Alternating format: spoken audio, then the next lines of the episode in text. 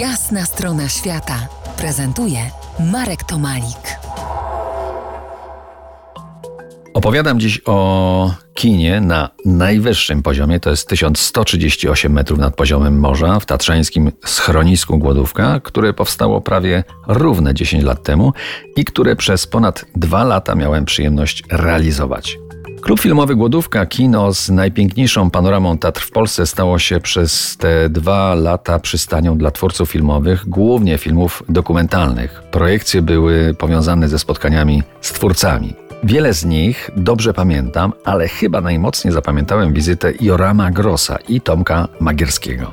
Joram Gross to legenda australijskich filmów animowanych dla dzieci, choć robił też przejmujące animacje dla dorosłych. Joram studiował na Uniwersytecie Jagiellońskim. W 1950 roku wyjechał do Izraela, a następnie wraz z żoną wyemigrował do Australii. Po raz pierwszy trafił na czołówki światowych gazet w 1977 roku po zrealizowaniu Kropeczki i Kangura. Od tamtej pory Grossowie wyprodukowali wiele cieszących się wielkim powodzeniem animowanych seriali telewizyjnych dla dzieci. Na twórczości Grossa wychowało się kilka pokoleń dzieci, dla których takie postaci jak Blinky Bill czy Tabaluga stawały się wzorami do naśladowania.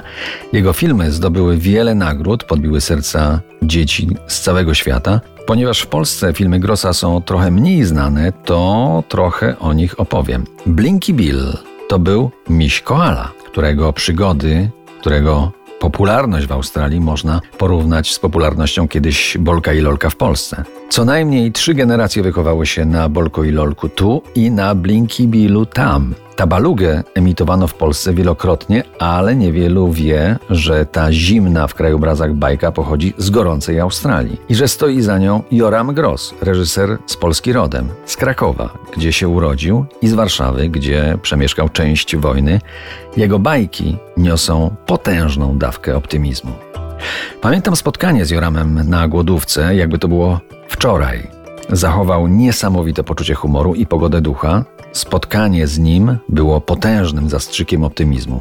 Doskonale mówił po polsku, miał wtedy 85 lat, a odszedł z tego świata 4 lata później w Sydney.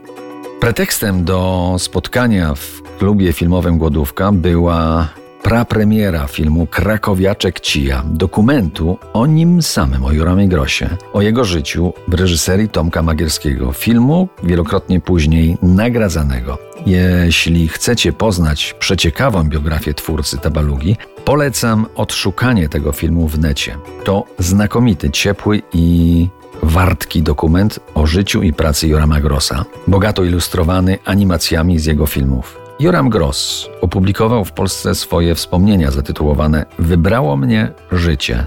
To dla tych, którzy ponad dokument filmowy wolą książkę. Za kilkanaście minut kolejne moje wspomnienia ze spotkań w kinie na najwyższym poziomie 1138 metrów nad poziomem morza w tatrzańskim schronisku Głodówka. To jest jasna strona świata w RMF Classic.